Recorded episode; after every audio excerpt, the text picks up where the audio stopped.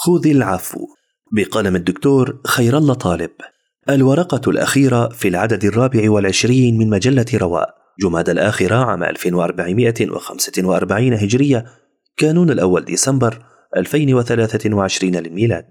حضر مع قريب له مجلس عمر رضي الله عنه فقال يا ابن الخطاب والله ما تعطينا الجزل وما تحكم بيننا بالعدل.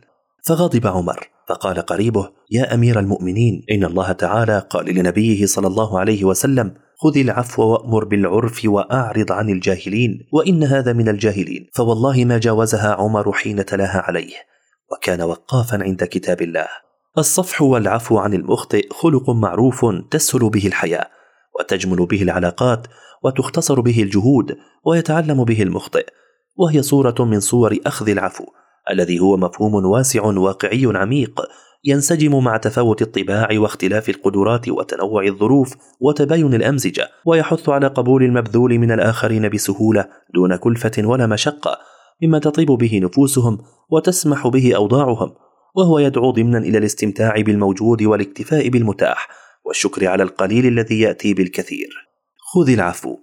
آية جامعة لحسن الخلق مع الناس وما ينبغي في معاملتهم. فالذي ينبغي أن يعامل به الناس أن يأخذ العفو أي ما سمحت به أنفسهم وما سهل عليهم من الأعمال والأخلاق فلا يكلفهم ما لا تسمح به طبائعهم بل يشكر من كل أحد ما قابله به من قول وفعل جميل أو ما هو دون ذلك ويتجاوز عن تقصيرهم ويغض طرفه عن نقصهم ولا يتكبر على الصغير لصغره ولا ناقص العقل لنقصه ولا الفقير لفقره.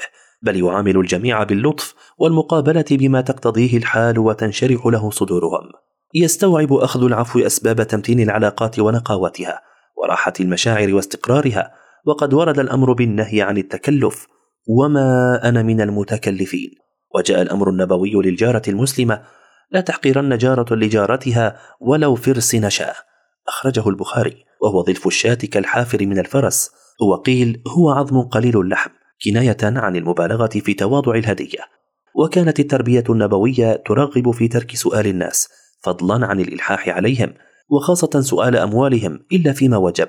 فإن السؤال فيه ذلة للسائل وإحراج للمسؤول قد يدفعه إلى البخل والمنع. يعين على أخذ العفو خفض التوقعات من الناس فإن من لم يتوقع شيئا سعد منهم بالقليل ومن توقع منهم الكثير خفت في نفسه ما كان أقل مما توقعه. وإن كان كثيرا ويعين عليه أيضا تعويد النفس على الشكر على كل شيء مما لا يأبه الناس بالشكر عليه وكذلك امتداح أي خطوة إيجابية أو فعل طيب مهما كان ضئيلا ومهما كان صاحبه مقصرا فإن امتداد القليل يزيده وإن الشكر على الخطوة الصغيرة يحفز صاحبها على الاستمرار والتحسين والزيادة.